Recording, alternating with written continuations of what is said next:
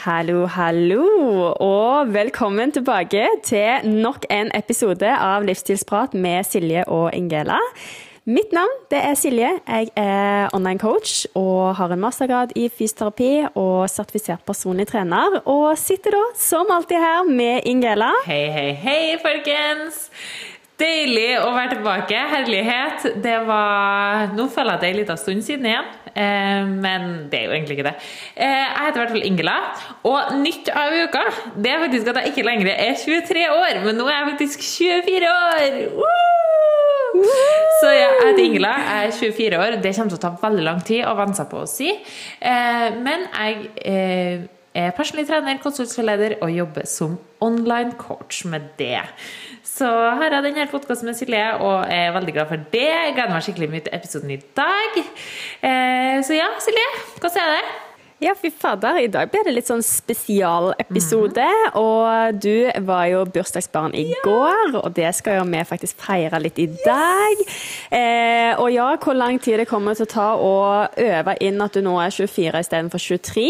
Jeg følger jo egentlig bare litt sånn din alder, jeg. Så da har jeg òg blitt liksom 24 ja. nå. Mm.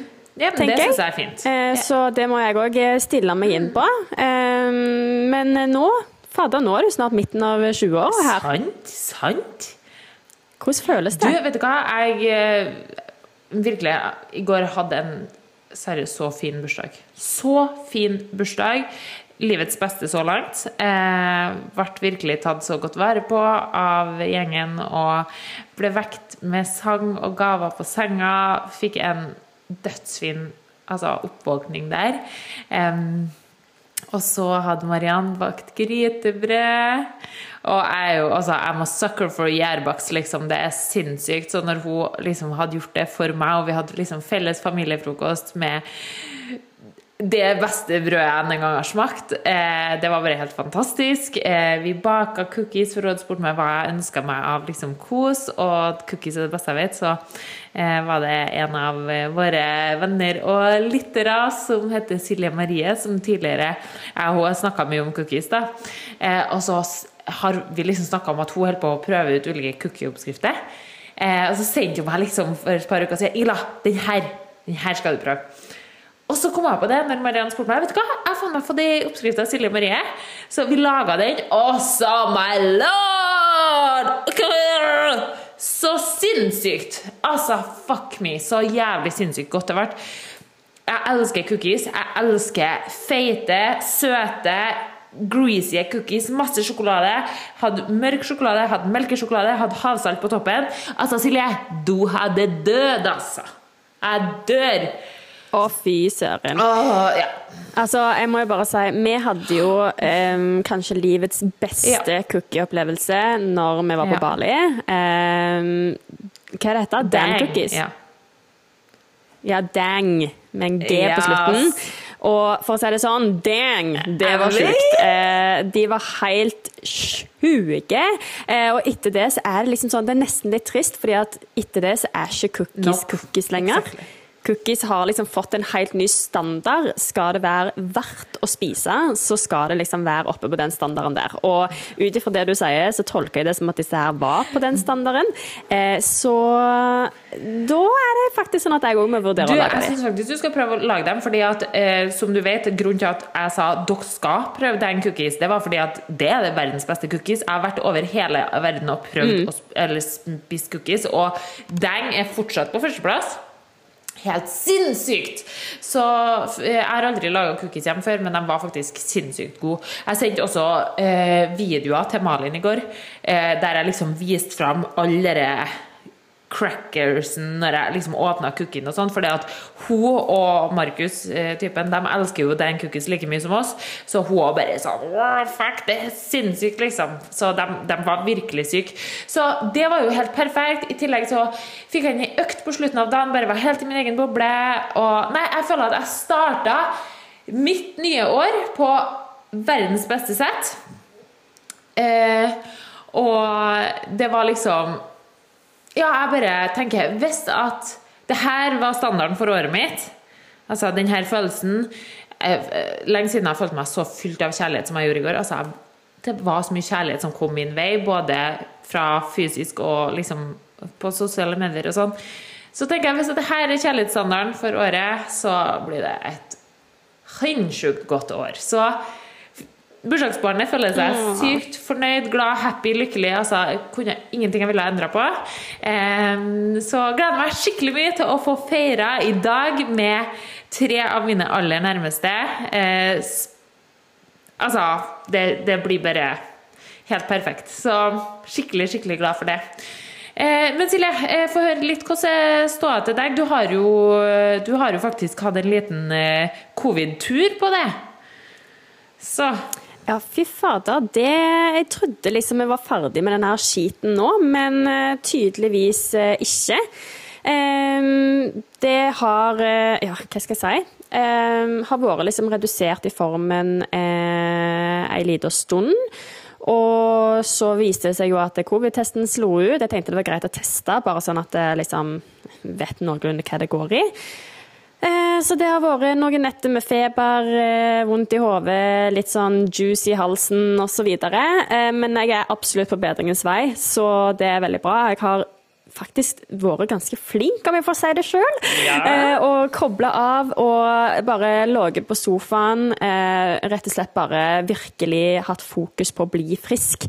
Eh, fordi denne uka her ville jeg jo heller ikke være sjuk, siden vi skal feire deg og liksom sånne ting. Så det er jo eh, liksom dårlig timing. men eh, men jeg tror at det har hjulpet å virkelig bare liksom ha fokus på å slappe av, eh, spise, drikke vann, eh, sove. Mm sove masse eh, når det på en måte kroppen tillater det. Har ikke sovet så mye på nettene. Eh, da har det vært mye feber og styr. Men bare liksom sånn, det å kunne sove ti minutter på sofaen er liksom så mye bedre enn ingenting. Eh, og det å gjøre det med god samvittighet, det er, liksom, det er noe som jeg har slitt med. Jeg er veldig sånn med en gang jeg må ta det rolig. Da blir jeg sånn supermotivert, superinspirert. Hjernen bare ah, 'Jeg kan gjøre det og det og det og det'. Eh, så det å på en måte klare å bare tenke sånn Nei, nå, Silje, nå skal du ligge på sofaen og bare slappe av. Det Ja. Men det har jeg fått til denne gangen her. Og nå føler jeg meg bedre, og det er bra. Fortsatt litt sånn tett i pappen, men det Altså, sist gang jeg hadde covid, så hang det tetta i pappen i seks uker, så jeg krysser fingrene. Jeg er fornøyd med alt som er mindre enn seks ja. uker. Eh, så ja. Sånn er det. Så ikke fullt så eh, spennende eh, periode siden sist. Men nå kjenner jeg òg at jeg er liksom Jeg vet ikke hva det er, men jeg kjenner bare jeg er så sjukt klar til høsten. Jeg er klar til å begynne å tenke framover. Jeg er liksom sånn nå har jeg hatt litt ferie, og det er ikke det at ferien er over, men det er godt å kjenne på liksom at du har, liksom, har pusta mm. litt. Og bare liksom den lille sånn der inspirasjonen som kommer tilbake, da. Eh, det, liksom, det, skal ikke så mye til for meg før jeg på en måte kjenner meg litt sånn back on track og er litt inspirert og motivert igjen. Eh, og den begynner jeg å kjenne på nå. Det er liksom godt å nesten jeg tror kanskje det er godt å kjede seg litt noen dager og være litt syk, for da blir det bare sånn der du klør i fingrene etter å starte opp med ting igjen. Eh, så det er en positiv ting med det, da. Eh, så nei, nå bare krysser jeg fingrene for at jeg er fit for fight og har ikke kommet i gang med trening ennå, men det tenker jeg jeg skal ikke stresse meg i gang. Jeg vil heller bli helt frisk og kjenne at jeg kan ha bra trening når jeg kommer i gang. Jeg skal høre på meg sjøl, være min egen coach her nå og si ta det med ro. Eh, og så, ja Alt til sin tid. Det er kjempebra. Fy faen, jeg er stolt av deg. Du, det er så typisk at du skal bli syk, eh, og så at du på en måte da kjenner liksom ja, men Jeg har så lyst til å gjøre så mye, og det er så Det er vanskelig å, være sin egen bestevenn akkurat når det skjer seg sjøl. Eh, men jeg er sykt stolt av deg, hvordan du har gjort det nå. Og du har kommet deg så fort i forhold til sist gang. Eh, du har jo lært siden den gang. Ja. Eh, og det er helt tydelig. Ja, ja, så skikkelig skikkelig stolt av deg, og det er bare så godt å se at du er bedre, og at du liksom Ja, vi møttes jo på eh, søndagen fordi at mikken min var til deg, og da var du, altså, da var du skikkelig, skikkelig sliten, så det har jo skjedd veldig mye.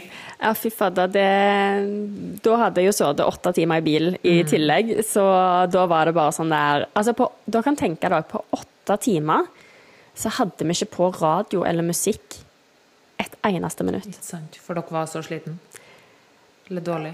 Fordi at mitt hode bare sprengte. Mm. Eh, så det ble heldigvis litt sånn dialog etter hvert, men eh, de, de første to timene så var det bare liksom jeg følte bare jeg satt med liksom som, som, en diva med solbriller på, kjempelys sky, bare ikke snakk til meg, jeg orker ingenting, bare Ingen lyd, vær så snill. Og bare Nei, det var Men, men det tok seg opp. Jeg stappa i meg et par Paracet for å bli litt bedre selskap. Hvis ikke så hadde det blitt eh, åtte lange timer for min stakkars samboer.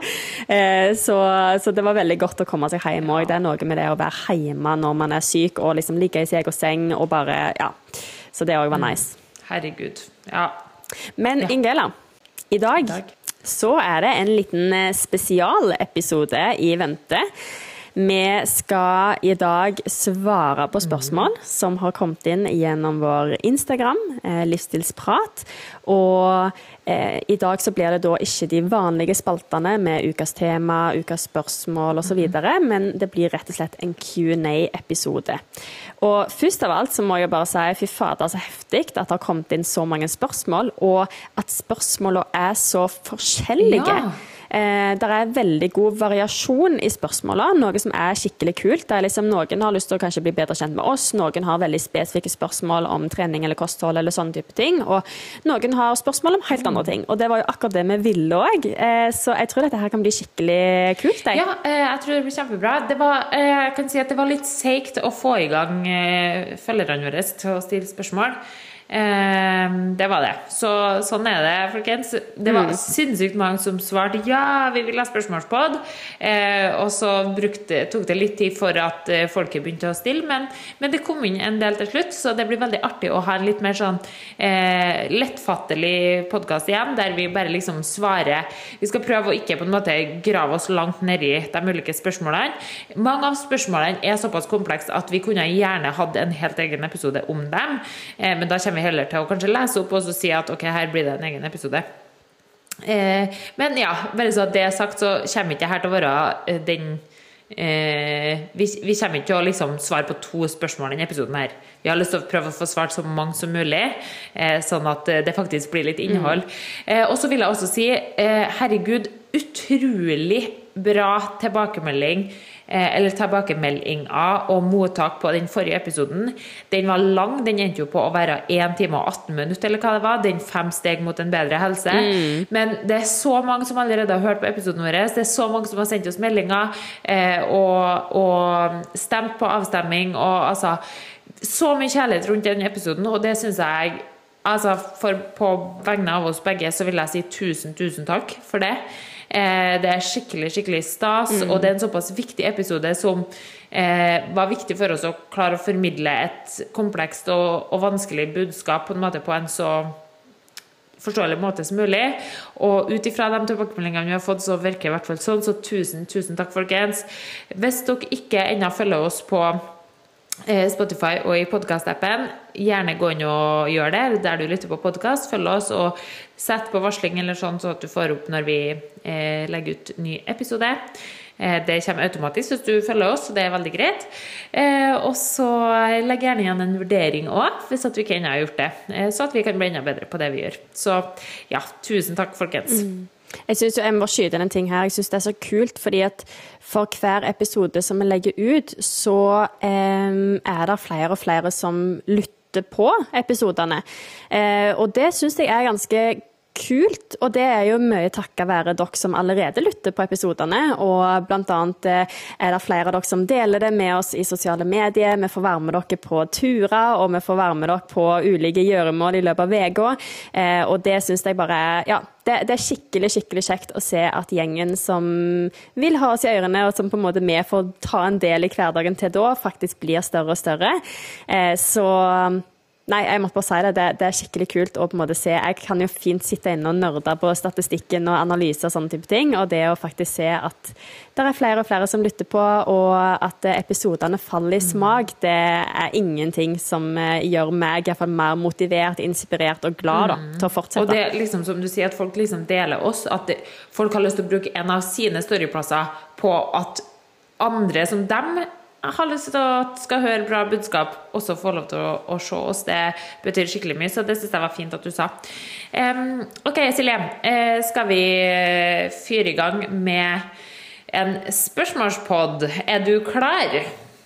Ja. Yes. yes, I'm ready. Ok, vi starter vi får bare lese opp litt uh, annenhver her, tenker jeg. Men jeg kan i hvert fall starte. Og mm. uh, det første spørsmålet her er uh, Har dere noen forbilder?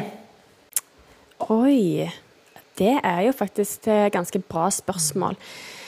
Nå må jeg tenke litt. Altså Ja, jeg har jo forbilde, men jeg tror jeg har på en måte litt sånn ulike typer forbilde. Eh, altså Jeg har jo forbilde i form av liksom mor og far, f.eks. Mm. Eh, ser jeg jo kjempemasse opp til alt det de har fått til, og eh, hvordan de eh, har fått. For sitt forhold til å fungere fram til nå. sant? Eh, farmor farfar, som har vært gift i hva da? Jeg lurer på om de hadde sånn over 60 år. Eh, og liksom Ja, jeg har på en måte forbilde på den fronten. Eh, og så har jeg jo òg forbilde innafor liksom det som jeg jobber med, og hvem jeg har lyst til å være, osv. Mm. Jeg kan jo bl.a. si at Ingela er et av mine forbilder. Eh, du eh, er mitt forbilde med tanke på at du virkelig tør å gå etter det du har lyst til. Det er ingen grense, uansett på en måte hva motstand du skulle møtt på, eller hvor mye det krever av deg for å få til noe. Vil du det, så er du villig til å gjøre jobben. Eh, og det er noe som jeg ser skikkelig, skikkelig opp til. Takk. Um, hvem andre? Um, oi, det er vanskelig. Det er vanskelig. Jeg prøver liksom òg å ikke ikke ha for mange eh, forbilder, fordi at jeg vil òg på en måte være litt mitt eget forbilde, hvis du skjønner hva jeg mener. At jeg har veldig lenge kanskje prøvd å jobbe på samme måte som andre, eller ville oppnå samme ting som andre tilsynelatende har oppnådd da. Men så har jeg òg innsett at ofte så ser du kanskje forbildet gjennom sosiale medier, og da er ikke det nødvendigvis riktig at de kanskje har oppnådd det som det ser ut som, eller at de har jobba på en viss måte som det ser ut som. Eh, så jeg har òg De fleste forbildene som jeg har nå, er mennesker som er i mm. mitt liv. Jeg har ikke veldig mange forbilder som på en måte er en kjendis eller sånne type ting, for det har jeg valgt å ta et steg vekk ifra, mm. faktisk. Mm. Ja, men det, det, er jeg faktisk veldig enig med. Mens du har snakka nå, så har jeg prøvd å tenke liksom sjøl hvem er som er mine forbilder. Og alle dem som jeg på en måte sitter igjen med, det er mennesker som er i mitt liv. Eh, altså ekte mennesker som jeg på en måte ja, ikke har malt et bilde av, men som er ekte.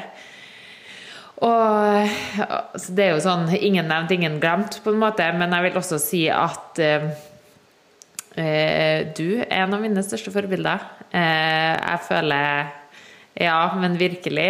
Eh, både fordi vi har kommet fra så forskjellig plass, samtidig som jeg har vært så lik. Og likevel så kan du vise meg så mye ting om livet og verden som jeg ikke har hatt sjøl.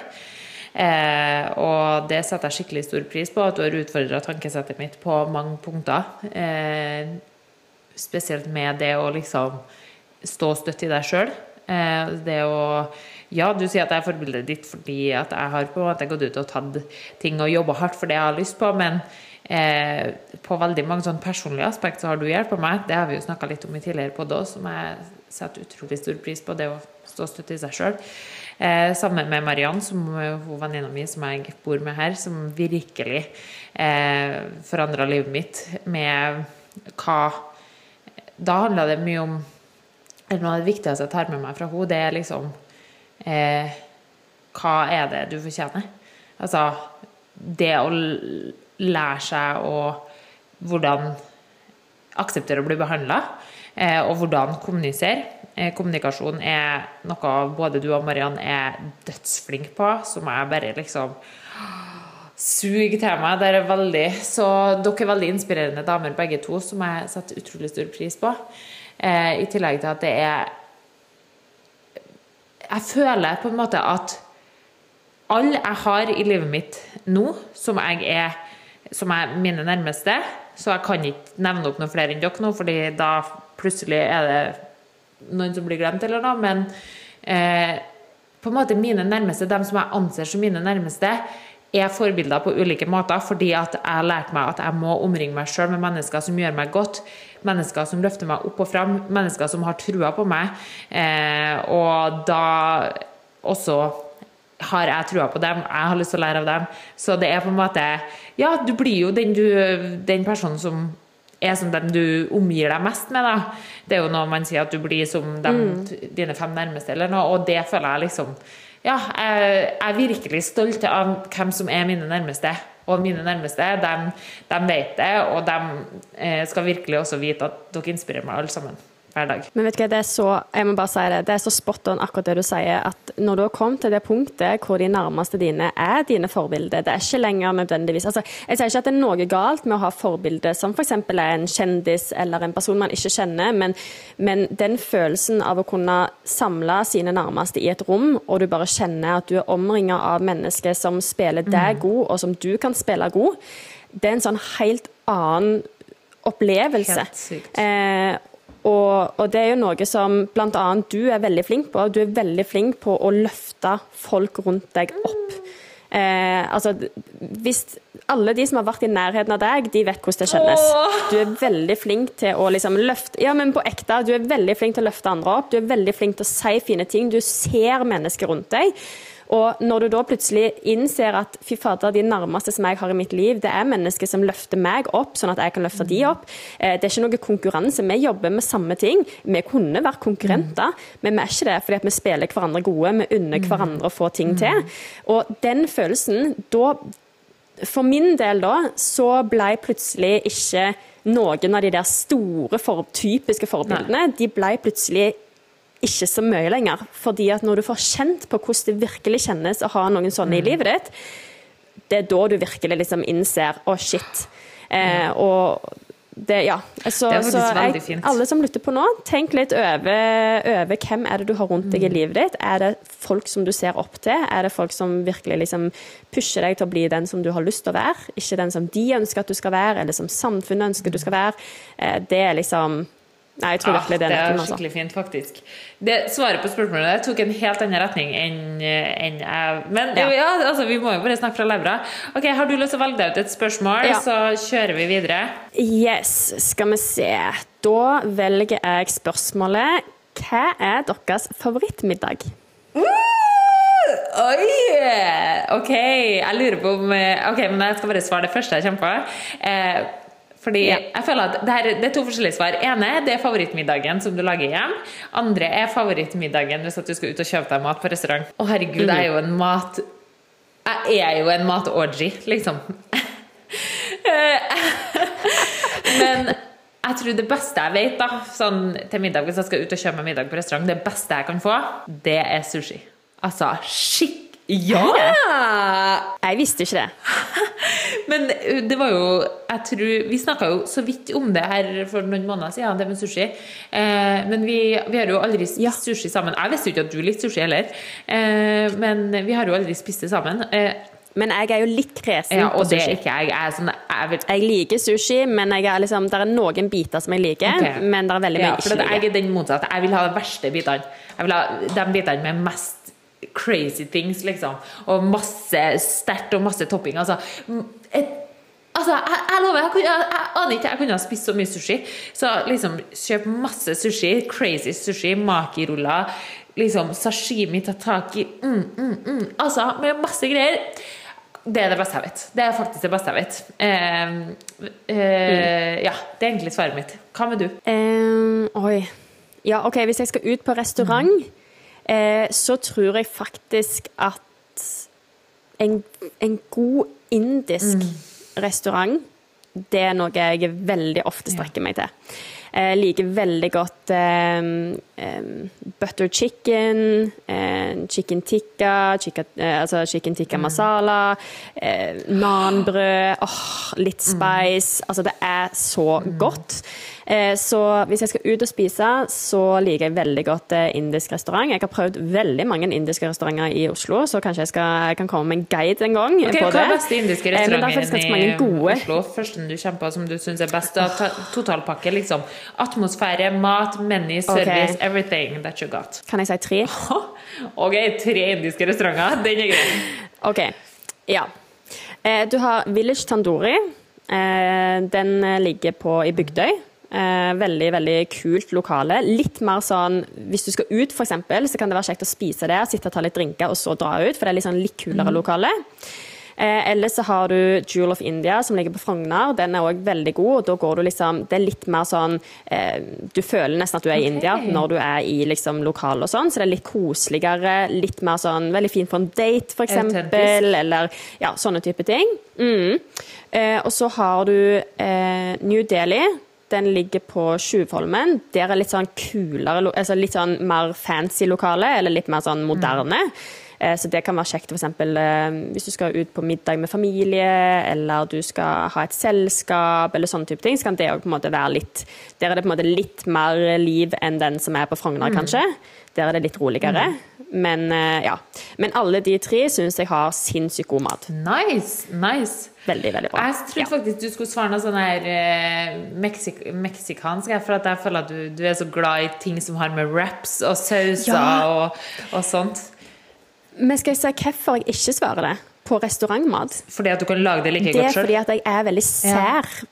Ja. jeg er veldig sær på hvordan jeg vil ha det, og jeg føler ofte på restaurant Hvis du skal kjøpe noe sånn lefse eller sånne type ting, så er ting soggy. Mm. Og hvis det er én ting som gir meg bare sånn det er hvis jeg får soggy mat. Det er akkurat liksom at jeg kan ikke bestille Fodora med Nei. meksikansk. Nei. Da er hele meksikansk mat ødelagt.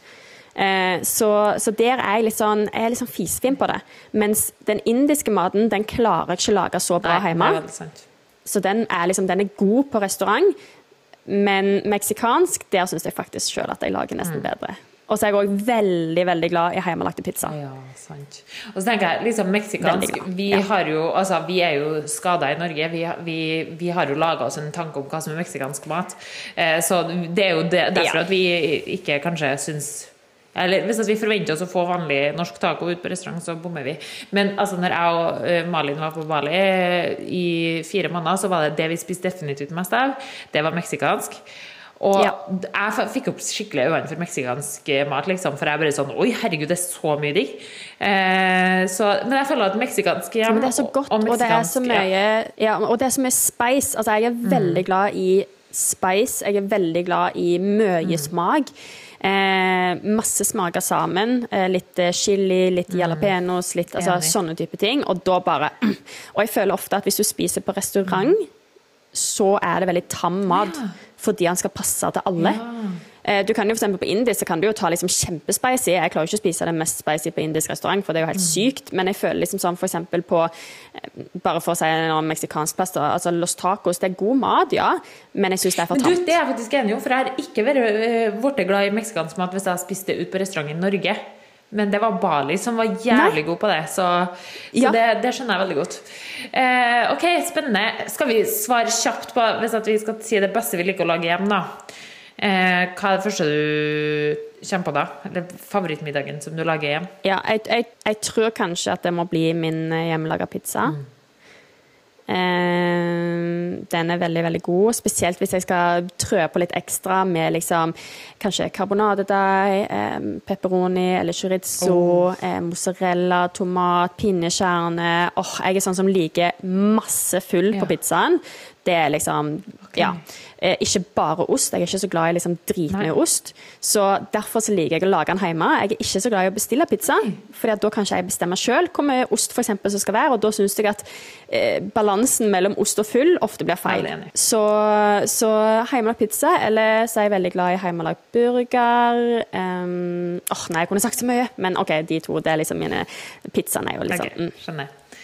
Eh, skal jeg svare, jeg òg? Mm. Mm. Eh, det må være eh, Nå har jo jeg, etter jeg har vært så mye på reise, og at jeg spiser liksom eh, tre måltider ut daglig, så er det ingenting som er bedre enn å komme hjem til Trøndelag, til mamma. Og hun er så flink til å bruke ulike rotgrønnsaker, bønner, linser, og lage sånn ulike liksom, pureer og tilbehør.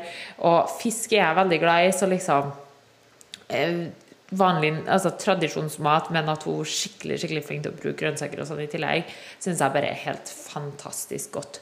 Eh, generelt veldig mm. lite glad i middagsmat, egentlig, så alt egentlig som går til meg, det, det, fungerer kjempe Eller alt går og fungerer kjempebra, men jeg syns det er skikkelig stas å komme hjem når mamma har laga noe sånn. De lager også hjemmelagde fiskekaker, f.eks. Så hjemmelagd fiskekake med mm. noe sånn grønnsaksblanding, purégreier og eh, potetbåter i ovn syns jeg bare kan være de ting, liksom. Ja, ja. Altså potetbåter i ovn. Ah, ja. Hvis jeg kunne valgt sånn et eget altså, Gi meg det hver dag. Enig. Det er så sykt godt. Men jeg skal være helt ærlig og si at nå når du skulle si ditt favorittmåltid, så trodde jeg faktisk nesten du skulle si havregrøt. ja! Om det er jo så godt! Jeg spiser havregrøt til middag typ alltid. det er så godt. Jeg elsker det. Så jeg tenkte bare ja, nå kommer favorittmiddagen til Ingela. Havregrøt. Ja, nei, men det kunne jeg faktisk vært. Uh, OK, nei, faen. Okay, faen. Ja. Husker du hva vi sa? Vi skal ikke snakke for lenge. Ja. ja. OK, så da okay. skal jeg eh, Altså, det er faktisk ganske mye spørsmål å velge mellom her. Um, så et spørsmål vi har fått inn. Balanse. Smågodt og kos innimellom, er det OK? Det er spørsmålet. Mm. Eh, ja, absolutt. Jeg vil nå si at det er OK. Eh, balanse det betyr litt av alt, sånn som jeg alltid pleier å si. Alt med mm. måte. Eh, jeg vil ikke ha et liv uten sjokolade. Nei eller godis eller sånne type ting. Eh, fordi at det er noe som eh, jeg setter pris på i livet mitt eh, til nå og da, men heller ikke for mye. For da kjenner du at oh, nå craver jeg hvitfisk og mm. salat. Men, men, nei, jeg tenker absolutt alt med mm. måte. Og det er absolutt plass til godis i et sunt mm. kosthold. Jeg er helt enig. Til deg som har stilt inn her spørsmålet, så jeg kan jo også høre de episodene der vi snakker om litt sånn feriefri. Eh, den, jeg husker ikke helt hva vi titla mm. den på. Men feriefri, der snakker vi mer inngående om det, så har vi egentlig en ganske bra episode om, syns jeg. Eh, men jeg er også helt enig. Jeg tror også at ja, hvis at smågodt og kos er noe som er viktig for deg, er noe som gjør til at du er glad i livet ditt, så tror jeg det er kjempeviktig å beholde.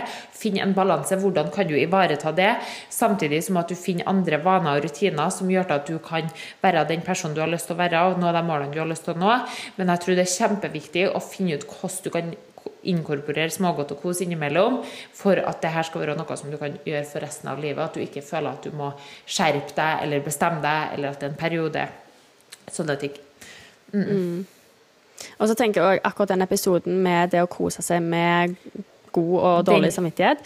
Eh, Kjempe. Kjempefint. Fordi at eh, jeg tror det er veldig mange som eh, kanskje ikke spiser godis fordi at det er noe som de har lyst på i øyeblikket, mm. eller som gir de glede i øyeblikket. Men eh, ofte f.eks. hvis man er på jentekveld og ser film osv., så, videre, så kan man på en måte kanskje føle litt på at man bør spise det osv. Men jeg tenker sånn Spis det som du trives med. Jeg kan ta meg sjøl nå som et eksempel. Jeg har eh, litt sånn ferie nå og har spist utenfor planen, på en måte, eller utenfor mine vanlige rutiner. Spist mer godis enn jeg pleier, og nå så er jeg bare på et punkt der jeg er sånn der I går så sa jeg til min samboer bare sånn åh, kan vi bare lage en sjukt sunn mm. middag i dag? Bare liksom clean kylling, clean alt bare for å liksom eh, Fordi at det kommer til et punkt der du setter pris på de rutinene du har ellers i mm. hverdagen. Men det er godt å kjenne på det av og til. At OK, nå har jeg spist masse godt og litt sånn feit mat og sånne ting, og så er det godt da, og så setter du pris på å komme tilbake til dine vanlige rutiner etterpå. Jeg tror, jeg tror akkurat det der, det bruker jeg også å si til kundene mine, jeg tror det er veldig viktig å kjenne på det der. Det å gå utafor det vanlige for å finne ut, eller for å få bekrefta at de vanene du har i hverdagen din, maten du gjør, treninga du gjør, aktiviteten du gjør, rutinene du har på søvn Jeg tror det er viktig å bli dratt litt ut av dem for å kjenne at wow, mm. jeg setter pris på det.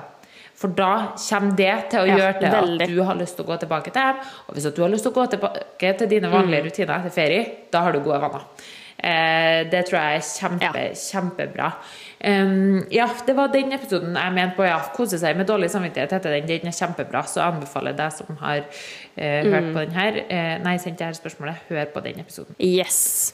OK, uh, neste spørsmål. Skal vi se Når legger du deg på kvelden? Oi. jeg er jo en liten grisunge som ikke Altså jeg sover åtte timer hver natt, uten unntak nesten. Med mindre jeg er ute og danser på ei strand til klokka fem om morgenen, så, så sover jeg mine timer mellom eh, åtte og ni timer hver natt. Men jeg har kanskje en litt, eh, litt sent i seng, det kan jeg si. Men jeg er jo også der at jeg ikke har lyst til å stå opp for tidlig, for det er jo et sånt statement jeg har gjort. Så jeg legger meg ca. klokka tolv. Eh, står opp ca. klokka åtte. Hvis jeg legger meg eh, halv tolv, altså mye før tolv, så kan jeg stå opp eh, åtte da òg, for jeg, da står jeg gjerne opp åtte. Så kan jeg også ende opp med å legge meg klokka ett. Så ja, mellom jeg, jeg, liker ansiktet ditt nå. Ja. Det så nesten ut som du kvier deg for å legge til den siste. Ja, jeg gjør det òg, for jeg syns det er litt flaut. Men eh, jeg, jeg har blitt litt skada, tror jeg også, eh, etter Bali. Eh, nå to år på Bali. Så når jeg er mm. der, på den delen av året jeg er der på, så er det sju timer foran Norge. Eh, det vil også si at når når klokka er tolv på kvelden til meg, så er klokka bare fem her i Norge. Og da er det veldig mye spennende, for da har jeg først hatt, hatt min del av den våkne tida med der folk er våken på Bali, og så våkner folk i Norge etter hvert, og da er de våken. Så da eh, strever jeg litt med å legge fra meg eh, jobb og mm. Altså, jeg ender ofte opp med å sitte og jobbe til klokka elleve, sant, og da eh, blir det får det følger, og så er man litt sånn Når man ligger i senga, så jeg ble litt skada av det. Jeg strever litt med å rette opp den døgnrytmen når jeg kommer til Norge. Men jeg sover i hvert fall timene mine, og jeg ja, jeg, synes, jeg, er veldig fornøyd hvis jeg legger meg innen tolv. Eh, eller at jeg sovner, legger fra meg telefonen og sånn innen klokka tolv, så er jeg veldig fornøyd. Bare syns ikke det er så stas når klokka begynner å bli 00.15. Og så sier jeg ok, jeg skal legge fra meg telefonen når den er 00.20. Og så nei, å, jeg skal legge fra meg telefonen når den er 00.30. Eh, ja, ja, så, ja. Sånn der. Men ja, mellom, mellom eh, halv tolv og ett legger jeg meg. Ja, men jeg tenker sånn, herregud, du har jo altså Så lenge du sover det du må, og du har en døgnrytme som eh, passer inn i Akkurat. ditt liv, så er det jo det, er det viktigste, liksom. Um, jeg legger meg ja, en gang mellom halv elleve og tolv, vil jeg si. En time før meg, da? tidligere ja. Tidligere så la jeg meg mye tidligere. Jeg har jo pleid å legge meg mellom halv ti og ti. Mm. Eh, men det var òg fordi at jeg starta veldig tidlig på jobb. Eh, og da jeg er veldig streng på at jeg skal sove lenge nok. Og jeg er jo litt Altså, jeg har jo hele mitt liv ønska at jeg var et A-menneske. Virkelig. Og jeg har prøvd så mange ganger å være et A-menneske. Jeg har jobba på sykehus og begynt på jobb klokka syv. Eh, og liksom eh, Nei, jeg er ikke et A-menneske. Eh, men jeg står opp eh, på en måte sånn at jeg får gjort alt jeg skal. Eh, står opp som regel halv åtte-åtte. Eh, men jeg er den som gjerne vil legge meg tidlig og stå opp seint. Ja. Så jeg er gjerne sånn at selv om jeg hadde lagt meg klokka halv ti, så ville jeg gjerne ha sovet til klokka åtte-halv ni. Ja, men jeg er sånn. Eh, og da blir det jo nesten too much av det gode. Mm. Eh, det har jo noe med at du skal ikke sove altfor mye heller, for dette, det her snakket vi jo bitte litt om eh, tidligere. At det er liksom ja, du, du eh, trenger ikke sove 15 timer døgnet heller. Eh, så, så, nå har jeg vært veldig sånn Jeg har vært ganske konsistent på liksom mellom ja, mellom halv elleve og tolv, og så er jeg oppe ca. klokka åtte. Mm. Så prøver å få inn bra med søvn. Men eh, jeg er jo alltid den som får panikk idet klokka blir for mye. Og det som skjer når klokka blir for mye, altså det som er for mye i mitt hode, da, hvis jeg ser klokka er tolv, så får jeg helt packeren, og da begynner jeg å stresse mm. over at nå burde jeg sove. Mm. sove. Og så stresser jeg med å sovne, og da sovner jeg iallfall ikke. Og så ligger jeg våken hele natta. Så det er en sånn evig jeg, jeg, kan ikke komme til punktet der jeg begynner Nei. å stresse. Da, må jeg heller legge meg, da vil jeg heller legge meg liksom to timer ja, tidligere. Ja, sant. Og jeg har jo absolutt eh, Altså, jeg vil jo si at jeg kanskje har litt for lite FOMO. Um, så jeg har ikke det som problem med liksom telefon og sånne ting. Og det tror jeg kanskje er litt annerledes når du har samboer, mm. for da hvis jeg ligger oppe og scroller på telefonen hele natta, så er jo det litt irriterende for mm. han òg, sant. Men, men, jeg har jo utrolig lite FOMO, så når jeg da f.eks. var på Bali, så kjente jeg ikke så mye på at oi, nå våkner Norge. Nei, nei.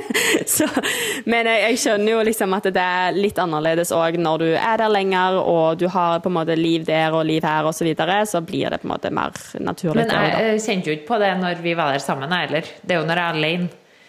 Nei, Fordi, ikke sant. Ja. ja.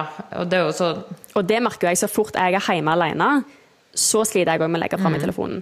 Eller så sliter jeg med å bare gå og legge meg i mm. senga. Jeg kan være drittrøtt, men jeg ligger på sofaen. Sånn, Da får jeg nesten sånn lakenskrekk. Ja, ja! Så fort jeg er hjemme alene, så, så får jeg lakenskrekk. Eh, og det tror jeg jeg er så vant til at liksom, OK, nå går vi og legger oss. Vi legger oss veldig ofte på mm. samme tidspunkt. Og når jeg da plutselig skulle legge meg alene, så tar det alltid ganske lang tid før jeg sovner de første nettene. Og så går det seg til, liksom. Ja, men sant. Det er veldig mange ganger vi har snakka om det eh, på ja, vi òg, at jeg har jævlig lakenskrekk. Eh, og da er det jo plutselig ja. at jeg gjør sånne syke ting. Eh, men ja, eh, ja, jeg skjønner veldig veldig godt, fordi at jeg føler at det er sånn eh, til Ja, meg òg. Men eh, ja eh, Er det du som skal styre? Mm, nei, det er du. Okay. nei, nå er, nå er jeg bare Herregud, jeg ble helt sånn Fikk sånn valgkval her. Valgets kvaler. Ok, Hva er det fineste og mest irriterende med den andre? Oi, Oi kan du begynne? Ja! Jeg må, jeg må, tenke litt. Jeg må tenke litt. Jeg òg må egentlig tenke litt, men jeg tror egentlig man må bare Ok, Hvis vi begynner med den fine, for den er jo enkel. Ja. Eh, ok, Det fineste eh, med deg Å, oh, det er så mye. Det er så utrolig mye. Så det er egentlig det er ikke noe vanskelig å finne på ting, eller komme på ting. Det er vanskelig å velge ut. Men jeg tror kanskje det jeg setter eh, mest pris på med deg, det er at jeg alltid føler at uansett hva jeg føler på eller tenker på, eller uansett hvilke følelser jeg sitter med, så har du i måten du har kommunisert med meg helt fra starten av, så har du vist meg at jeg kan alltid si tingene. Uansett om det er positive følelser, negative følelser, om det er ting jeg syns er bra eller dårlig eller vanskelig eller trist, eller sånn, så føler jeg at det er ingenting jeg ikke kan si til deg eh, i frykt for å ikke bli møtt sånn som jeg ønsker. Eh, og det er en sånn trygghet mm. som jeg har med deg, at jeg føler liksom at Jeg trenger ikke engang å vite hva jeg skal si, men uansett, jeg kan på en måte bare si pip, og så begynner hjelper du meg med å snakke, og så får jeg ut det jeg skal ha. Jeg trenger ikke være redd for mottaket du gir meg. Og det er noe jeg har kjent på med, i tidligere relasjoner som jeg syns har vært vanskelig. At jeg kvier meg for å fortelle noe til noen fordi at jeg er redd for deres reaksjon på det jeg har lyst til å si. Og så Det føler jeg virkelig ikke med det. Så det er noe jeg syns er liksom den viktigste egenskapen du har overfor meg. da. Åh, det var så fint. Det, men det er jo en ting som jeg tror altså, virkelig kjennes fra min side òg. At det, eh, vi har en så god kommunikasjon, mm. og det er liksom Det er ingenting som må pakkes Nei. inn. Og det, det, det, har vi snakket om flere mm. ganger òg, at det å på en måte bare kunne si ting Og av og til så vet du ikke helt hva du skal si heller. Du bare liksom, man bare blupser ut med ja. et eller annet, eh, masse tanker som kan være helt eh, separate mm. ord. Og så må man prøve å lage en forståelse av hva er det egentlig du tenker og føler, og sånne type mm. ting. Og det er, liksom, det er jo aldri noe som er feil å tenke eller feil å mm. føle. Eh, og det er virkelig tilbake til deg òg. Og jeg tror òg en av de fineste tinga med deg, det er jo måten du Hva skal jeg si? Eh, vanskelig å forklare. Eh, du vet, ok, Nå skal jeg ta en liten historie her. Når vi var på Bali, så satt vi i en taxi og snakket med taxisjåføren mens vi kjørte. Eh, og husker du hva jeg sa til deg ja, etterpå? Ja, jeg husker det. Jeg skjønner ikke hvordan historie det er nå. Og ja. det at du fortsatt husker det, og tenker på det, og at du tar det opp nå. Ja, men, men, det, ja, men det, er sånn skikkelig Altså, eh, måten Ingela snakker og ser på menneskene hun på en måte interacter med, er en helt egen. Eh, det var noe som jeg bare måtte kommentere at hun etter vi satt i den taxien. For måten hun så på taxisjåføren og stilte spørsmål, og du har bare liksom Du, du bare har en sånn varme på utsida som virkelig liksom Du bare Og, og liksom smil, og du bare Nei, jeg vet ikke. Det, det er en helt egen sånn her atmosfære når du på en måte er i rommet, og når du snakker med meg eller andre rundt. En, altså det er en helt sånn egen utstråling. En sånn, ja, rett og slett en sånn varme som bare treffer alle som er innenfor en viss radius. liksom. Og det, ja, det, er, det, er, kjempefint. Og det er, en, altså det er, ikke veldig mange som jeg opplever er sånn.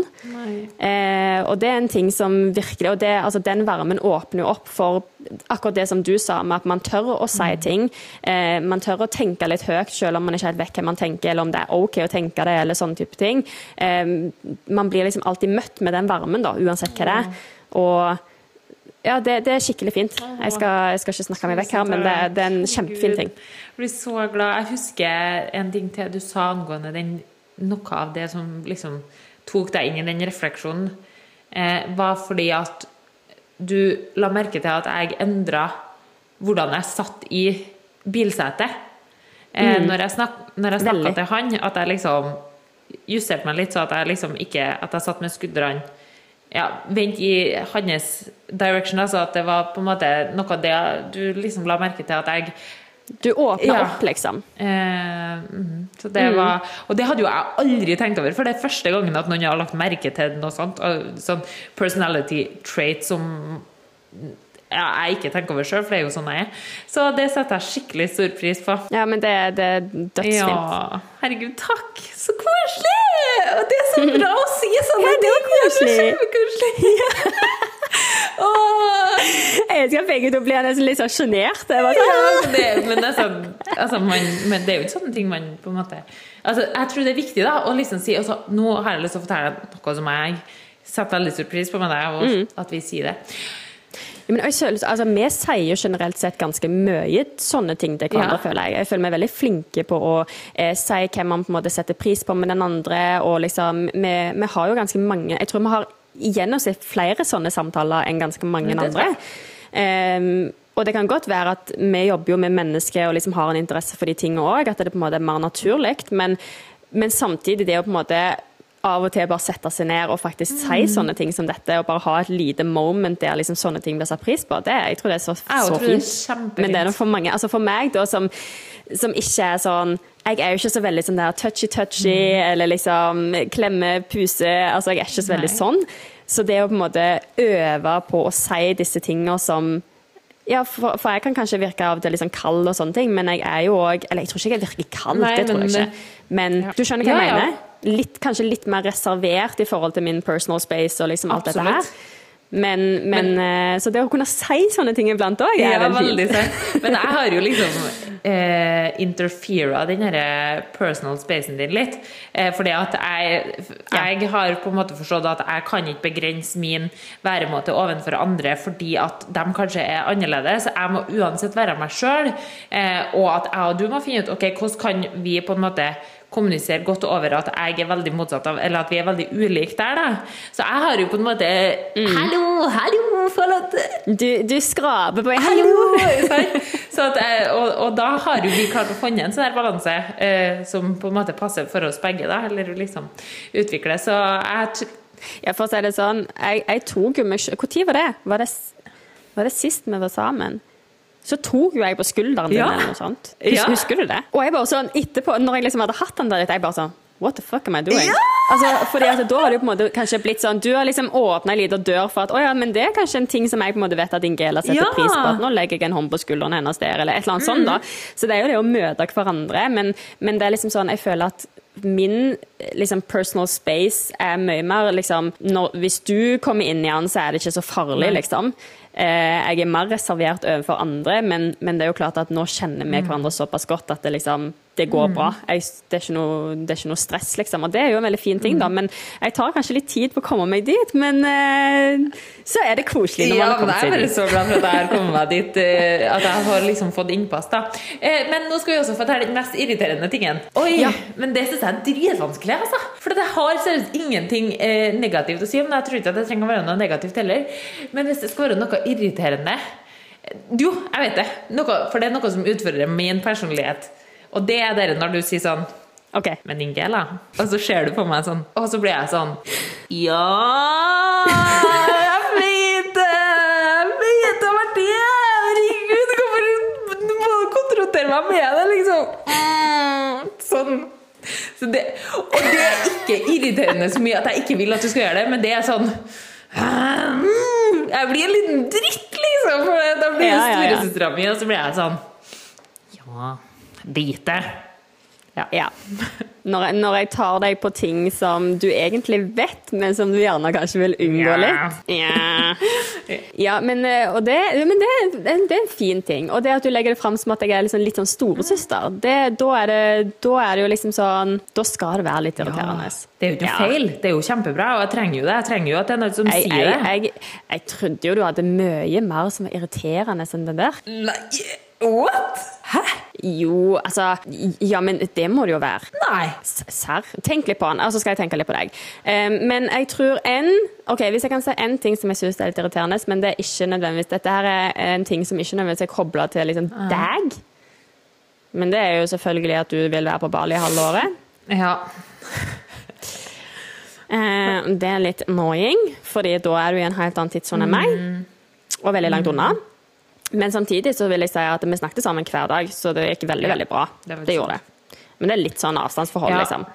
Um, en annen altså Hvis jeg skal si mer sånn personlig mm. ting Men det kan godt være litt det samme. Eh, men det er en sånn der eh, Du vet når du har sånn hat-elsk-forhold til en øvelse ja. på trening, f.eks. Bulgarian split squat. Sånn, sånn har jeg litt i ja. Yes. Sånn har jeg litt med mm. dette. Og det er f.eks. hvis vi sitter og jobber, og så skal jeg gjøre noe, og så begynner jeg å liksom sant? Jeg skal liksom finne ut hvordan jeg skal gjøre det, og det tar ganske mye tid, og så tenker jeg at jeg skal gjøre det, og så er det ikke bra nok, og så vil jeg gjøre det på ny, og så blir Altså, jeg er en sånn der person som bare Når jeg blir stuck in perfection-greie, mm. så blir er ingenting bra nok noen mm. gang. Og da kommer jo du gjerne bare sånn Ja! Ja, men så send det, da! Ja. Eller med men hvordan faen er det du snakker? Ja, du snakker jo ikke eh, østlandsdialekt heller, men ja, ja, da, da er det bare å gjøre det. Ja, ja. Og jeg, får helt sånn packeren, fordi at av og til du, Men du tar meg så For du ser når jeg er støtt. Ja, jeg ser når du står sånn. Eh, og da er du Ja, jeg er på legg, liksom. Hele meg ja. legger. Og da er du ganske kjapt og bare være sånn Ja, ja, da, da kjører vi på! Ja. Og, så, og, så, blir jeg veldig sånn eh, så det, Men det er en veldig fin ting. Det er sånn elsk-hat-forhold. For da må jeg virkelig bare liksom bryte ut av dette leggemønsteret mitt, og det krever sitt. Men fader så godt det Sant. Det, men det er samme det, ja, ja. Det, er jo, det er jo liksom I hate you, but I love you for it, på en måte. Så du hater at ja. jeg gjør det, men du er glad for at jeg gjør det for deg, og det samme eller at eh, jeg hjelper deg med å komme deg ut av legginga, og jeg hater deg når du uh, gjør det, men jeg elsker at du gjør det, fordi at jeg klarer ikke å gjøre det sjøl. Og da er jeg glad for at det er noen som kan komme inn der og hjelpe meg med å liksom i, Ja da, det er jo sant, da!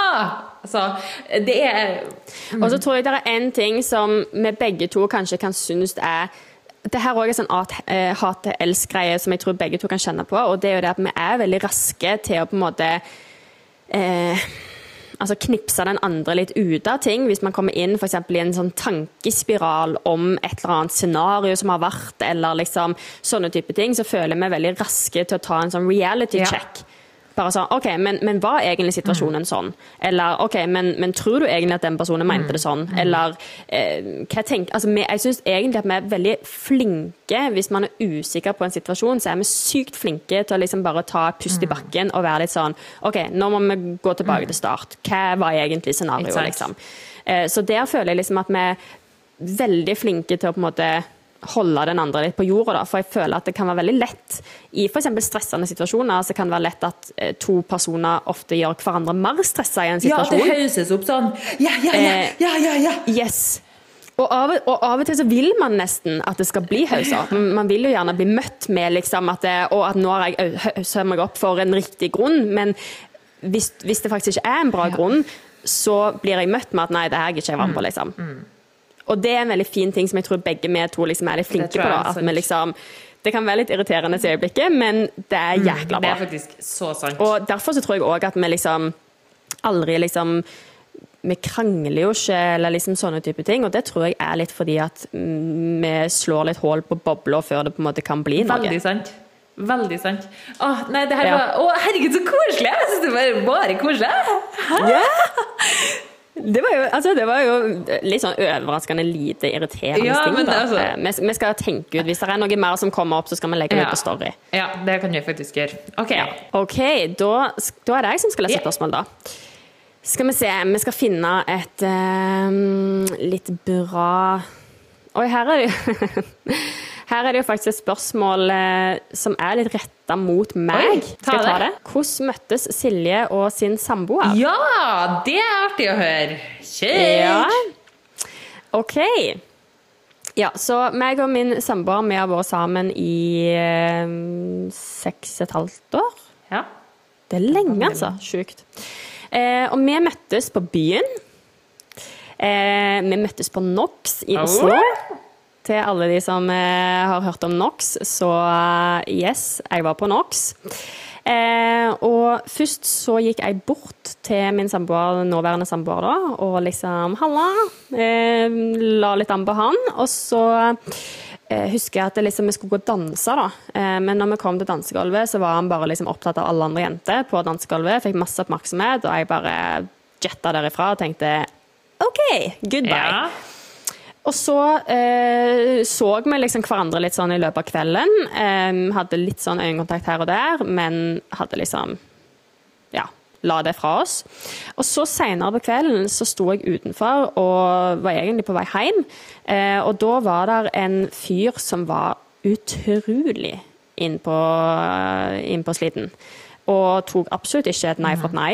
Um, han eh, insisterte på at eh, han skulle bli med meg hjem, og na, na, na, na, na, og jeg sa nei, det er jeg ikke interessert i. Eh, og på et øyeblikk da så kom da min nåværende samboer ut av NOx og så meg stå der med han her fyren. Eh, og da lagde jeg liksom Du vet de der øynene ja. som du liksom lagde litt sånn 'hjelp meg'-øye? Litt sånn 'get me out of here'. Eh, så da eh, kom han bort og lot som at han var min kjæreste. Eh, og liksom sånn Hei, babe, er du klar til å gå, liksom? Na, na, na, na, na. Og han her fyren bare sånn Du er ikke kjæresten hennes, stemmer det? Skikkelig dratetryne. Ja. Og vi holdt fast på den eh, storyen og liksom eh, lata som vi gikk rundt hjørnet og hele pakka. Så da redda han meg den kvelden. Eh, og ever since is history. Åh, herregud, jeg får så frysninger! Så vi Ja. Så det var jo men, men, det tok ganske lang tid før vi ble sammen, da. Vi data jo eh, i over et halvt mm. år. Eh, veldig mye liksom, liksom fram og tilbake. Var det noe vi ville, var det noe vi ikke ville, osv. Mm. Eh, men eh, så til slutt så så spurte han da om jeg ville være kjæresten hans. Du er så søt når du snakker. Når du er i kjæresteprat. Jeg blir, altså, jeg blir så klein. Ja, så blir du så søt. Jeg blir men, så klein. Men eh, herregud, det er jo en veldig artig historie. Jeg har hørt den før, men jeg syns den er så koselig. Og eh, bare det at han Altså, nå kjenner jo jeg din samboer òg, så jeg kan jo nå se for meg at han faktisk kommer ut og bare winger den skikkelig bra der, og bare at han bare tar den der rollen. Og det syns jeg bare er så tøft. Eh, men ble det sånn at dere for hjem sammen den kvelden? Det gjorde vi. Det gjorde dere. Så det var faktisk ever since. Ja. Og det, ja. Koselig! Så, så sånn var det. Um, ja.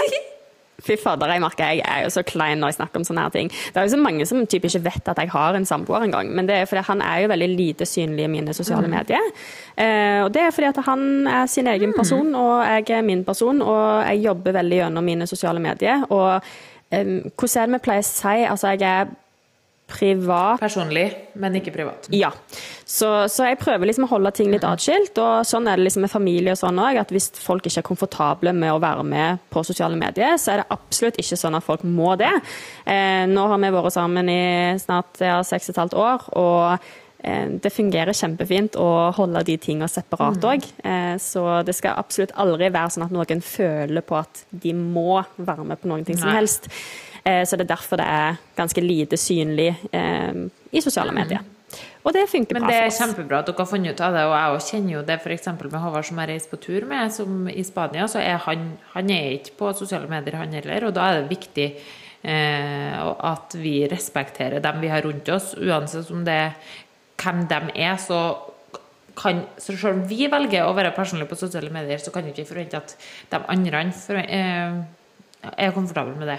Så det må man jo heller ikke være noe redd for. Mm. Eh, det er jo ingen som skal bli lagt ut Altså Uansett så er det jo ingen som skal liksom føle at de blir eksponert eh, ovenfor sitt eget ønske eller eh, intensjon. Så det, det, er viktig, altså. Det er kjempeviktig. Og at dere får liksom funnet Jeg tror også det er veldig ekstra viktig når vi har de jobbene som vi har. For, for hvis mm. at på en måte han òg har vært ute der, så har plutselig hele ditt liv vært helt ute der, da. Så jeg tror det er litt viktig å holde noe for seg sjøl bare for at du skal føle at du har liksom litt sånn At du får lov til å ha noe til hjertet ditt. Så jeg tror det er kjempebra. Mm, og det merker jeg altså for min del, så deler jeg lite liksom av familie eller um, ja, andre venninner som kanskje heller ikke er så aktive på sosiale medier. For jeg vil ikke at det skal være sånn at folk tror at hvis de Bare fordi at min jobb innebærer ganske mye sosiale medier, mm. eh, og fordi at jeg viser en del av mitt liv der, så er det ikke sånn at fordi at man f.eks. skal være venner, så er det da sagt at det er på en måte kriteriet. Eh, det var jo for veldig mange som spurte hvem jeg var på tur med når jeg var i NIS. Mm. Eh, og det òg er liksom sånn Det går fint an for meg å dele mm. ting, men hvis personene som jeg er på reise med, ikke har lyst til å være inkludert, så kommer jeg heller ikke til å legge Nei. det ut. Og det er liksom Jeg tror det er viktig å ha en sånn forståelse, og da, heller, da kan man heller spørre er du på reise alene. Nei, men den andre personen er ikke aktiv på sosiale medier, og da Skal vi respektere det? Gjøres det sånn. Det er jo respekt, liksom. Mm. All right. Altså, det er jo mye spørsmål å svare på, men jeg er litt sånn Kanskje dette her må bli del én? Ja, vet du, jeg tenker det, og det er, det er litt viktig at det ikke blir for lange episoder, og eh, det, at dette kan være en episode du kan høre på på en måte når som helst, eh, og kanskje også de gangene du ikke har like god tid til å høre oss eh, chatte enda lenger. Eh, så jeg er enig. Mm, ja, nice. Men eh, da tenker jeg, da sier vi dette er Q&A del én. Eh, del to den kommer etter hvert. Og så tusen, tusen takk for at du har lytta på. Det blir vi veldig veldig glad for. Og er det noen spørsmål som du sitter igjen med etter å ha hørt den her, så fyr løs på vår Instagram. Still i vei. Du hører jo her at det er åpning for alle, ja, mm. alle, mulige slags spørsmål. Eh, så det er bare kjekt å få spørsmål både i innboksen vår eller hvis vi legger ut en spørsmålsboks. Mm. Jeg har også lyst til å legge til at hvis at du eh, føler på at vi har snakka om noe her i dag som du har lyst til å høre mer om, eller om du har lyst til å eh, at, OK, men dere begynte å snakke om dette her. Kan, er det muligheter for at du kan gå litt mer dypere inn i dette her, eller at det er en tematikk som du syns at vi kan gå dypere inn i, eller ta opp mer av? Eh, gjerne send oss melding på det, for det er sånne ting vi ønsker tilbakemeldinger på. Eh, mm. Så ja. Eh, tusen takk for at dere har lytta på podkasten eh, vår. Eh, vi høres plutselig igjen, folkens. Så until next time så får dere ha en kjempegod dag og uke videre. Så snakkes vi. Vi prates!